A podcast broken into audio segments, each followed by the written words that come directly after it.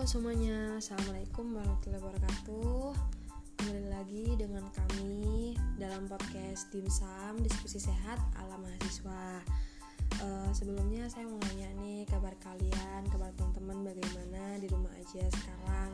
Semoga selalu diberi kebaikan dan tetap dijaga ya kesehatannya Apalagi kondisi seperti saat ini. Hmm, Dan untuk episode kali ini Alhamdulillah kita kita bisa bertemu kembali dengan saya Umi Dayati mahasiswi sosiologi ting mahasiswi sosiologi fisik UNED angkatan 19 dan juga partner saya yang sekarang ada di samping saya yaitu Mbak Istiqomah. Nah, Mbak Istiqomah biasa dipanggil Mbak siapa, Mbak? Saya biasa dipanggil Iis. Oke, jadi saya dan Mbak Iis akan membicarakan topik yang agak berbeda nih dari sebelumnya. Oh iya, dengar-dengar Mbak Iis uh, itu ya lulusan pesantren ya Mbak ya? Iya benar sekali. Wah hebat nih lulusan pesantren nih teman-teman. Kalau boleh tahu lulusan tahun berapa Mbak? Saya lulusan tahun ajaran 2019. Oh berarti waktu itu corona belum ada ya Mbak ya? Belum belum ada sama sekali. Nah kira-kira uh, situasi ketika Mbak di pondok tahun 2019 dan tahun sekarang. Nah, oh, sebelumnya tahun sekarang Mbak masih ada di pondok kan? Maksudnya kemarin-kemarin nih masih masih sempat ada di pondok kan? Iya. Karena harus menjalani masa pengabdian dulu. Oh, masa pengabdian. Kira-kira apa sih masa masa pengabdian itu Mbak bisa dijelaskan? Masa pengabdian itu semacam rasa ungkapan kita terhadap guru. Jadi kita hmm. mengabdi sepenuhnya sama guru selama satu tahun full Uh, bentuk pengabdiannya seperti apa mbak? Bentuk pengabdiannya itu ada berbagai macam. Tapi kita langsung berinteraksi ber, berinteraksi dengan guru. Yeah. Semacam ada yang menjaga anak, ada yang masak, ada yang menjadi menja, menjadi beres-beres rumah.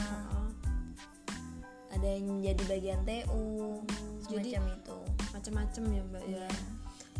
oh oke okay. berarti kan uh, di tengah pandemi ini berarti Mbak Is juga pernah ada di situasi pandemi ini dan di pondok ya Mbak ya iya. pernah nah, jadi kira-kira menurut Mbak Is nih uh, adakah perbedaan antara situasi sebelum corona datang dan saat ini tentunya pasti ada karena sekarang ya kondisinya seperti ini hmm. Kalau biasanya perbedaannya itu semacam kalau ustazahnya itu keluar karena ada perlu sesuatu hmm. itu masih harus menjalani menjalani protokol pemerintah. Hmm, seperti pakai masker hand, um, hand sanitizer.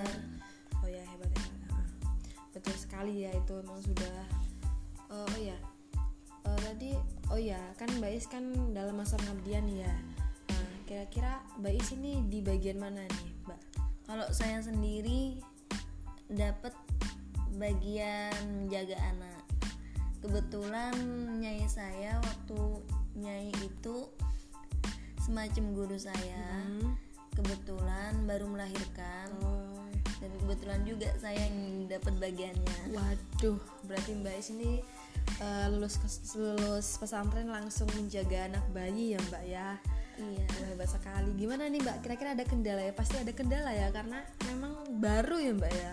Pasti banget. Uh, uh, uh. gimana coba diceritakan? Pertama ya karena saya nggak pernah punya pengalaman ataupun wawasan itu sendiri. Iya iya. Terus terus.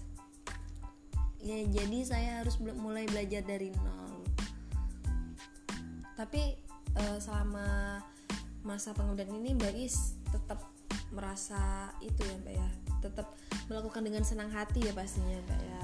Pastinya. Apalagi kan anak kecil biasanya kan kalau anak kecil itu kan lucu gitu ya Mbak ya. Lucu banget. Oke berarti sekarang sudah selesai Mbak masa ngabdinya kan? Udah baru selesai kemarin bulan April. Wah hebat banget. Ya salut salut salut salut banget. Jadi sekarang uh, Mbak Is itu ya sibuk apa nih sekarang? Setelah lulus pesantren terus mengabdi setahun. Sekarang sibuk apa nih? Kesibukan saya lagi membantu orang tua. Oh jadi bantu-bantu di rumah gitu ya iya. Nah kira-kira kegiatan apa nih? Kegiatan Bais yang selalu Bais jalani setiap harinya. Dari awal bangun tidur Bais sampai tidur lagi malam-malam itu gimana coba? Diceritakan kesehariannya kalau biasanya setiap harinya saya bangun jam setengah tiga bantu ibu saya. Kan wah jam setengah tiga. Waduh teman-teman nih ini Mbak I sangat hebat sekali. Jam setengah tiga bisa bangun loh langsung membantu orang tuanya. Patut dicontoh nih loh teman-teman. Silakan silakan Mbak dilanjutkan. Jam setengah tiga bangun bantu orang tua saya masak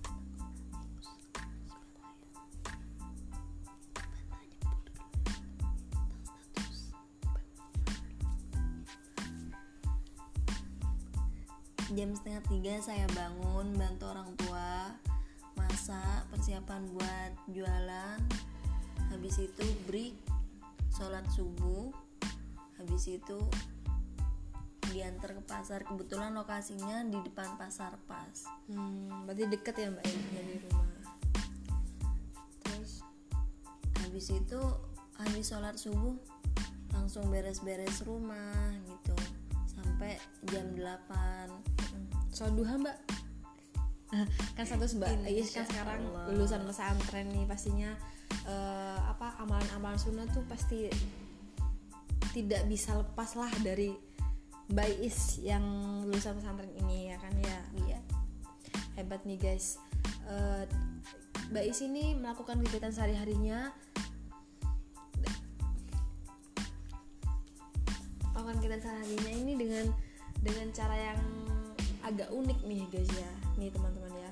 Karena di samping dia me- membantu orang tuanya beres-beres rumah tapi dia tetap menjalankan sisi kepesantrenannya seperti ya sholat subuh tepat waktu sholat sholat duha. Wah hebat banget nih. Eh, terus lagi mbak lagi bisa dilanjutkan lagi. Tadi maaf ya mbak saya kepotong. Tadi kan mbak Is sudah eh, sampai sholat duha ya. Habis sholat duha kira-kira gimana mbak? Kegiatannya kegiatan sholat duha setelah sholat duha setelah sholat duha. Kalau sel- setelah sholat duha itu biasanya ya lanjut lagi nyuci atau apa pun. Wah. Nah, nah terus terus terus, terus pekerjaan rumah biasa. Habis itu nanti ibu saya datang sekitar jam 10 terus nurunin itu piring yang kotor-kotor terus lanjut nyuci terus lanjut beres-beres masak lagi sampai sore. Mm-mm. ya breaknya cuma kalau lagi sholat. Iya, iya. habis sore udah free. Wih, kayak kayak pondok aja nih.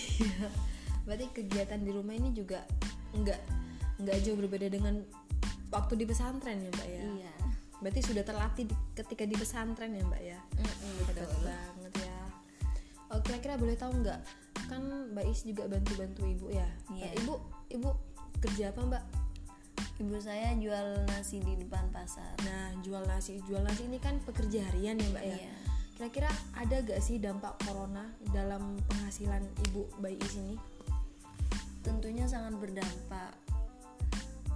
Karena corona ini Ya memang karena corona ini sangat-sangat merajalela ya mbak ya. Jadi Iya. ekonominya tuh bisa gimana? U- eh, ekonomi coba bandingkan ekonomi penghasilan lah penghasilan penjualan nasi sebelum corona dengan setelah corona itu seperti seperti apa penghasilannya?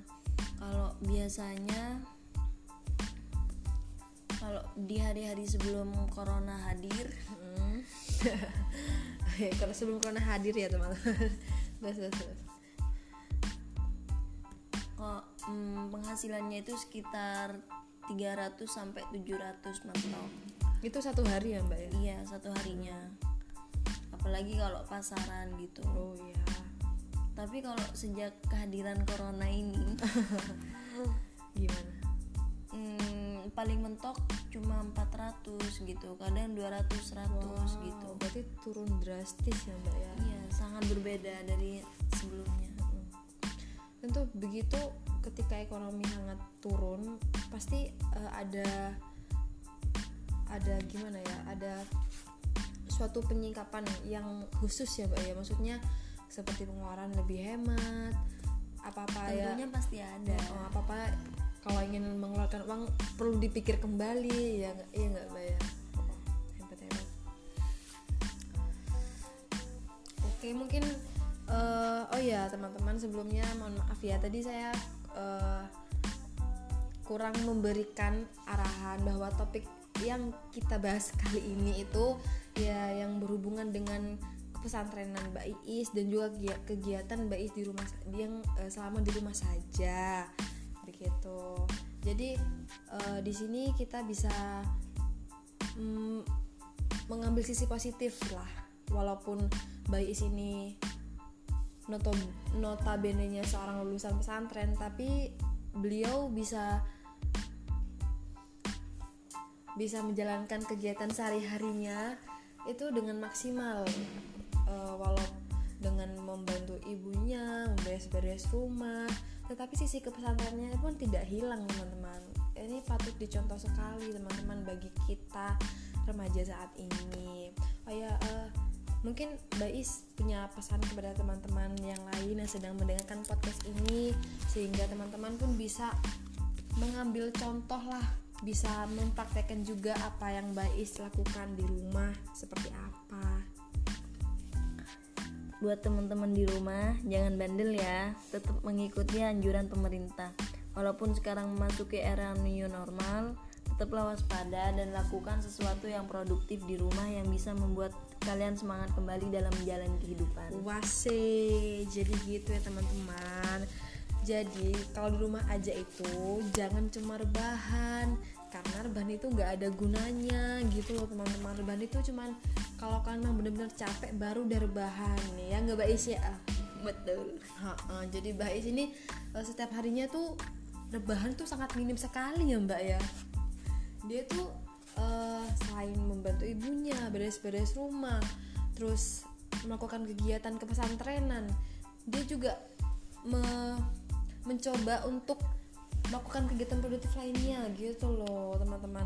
Oh selain itu Mbak Is eh, selain yang tadi Mbak Is sebutkan itu kira-kira ada kegiatan yang apa yang membuat Mbak Is semangat gitu ada satu kegiatan yang yang membuat Mbak Is semangat itu apa? Kegiatan paling yang paling membuat saya semangat ya memasak. Jadi saya sebagai wanita, wanita. Hebat hebat nih ini Bisa calon calon belajar istri masak. idaman ini teman-teman. Wadaw. Oke oke. Yang mau silakan kontak saya ya. Oke oke.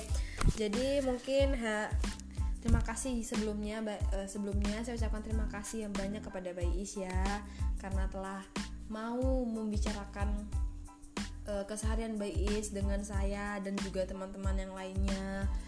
Mau berbagilah apa yang seharusnya dibagi. Terima kasih banyak ya Mbak Is. Sama-sama. Oke bro, eh, teman-teman, mungkin saat eh, hanya sampai hanya sampai di sinilah podcast saat ini. Berakhir. Semoga kalian bisa mengambil yang baik-baik dan bisa dipraktekkan apa yang telah Mbak Is anjurkan tadi. Oke. Selamat berjumpa kembali dalam podcast Dimsum Diskusi Sehat ala mahasiswa.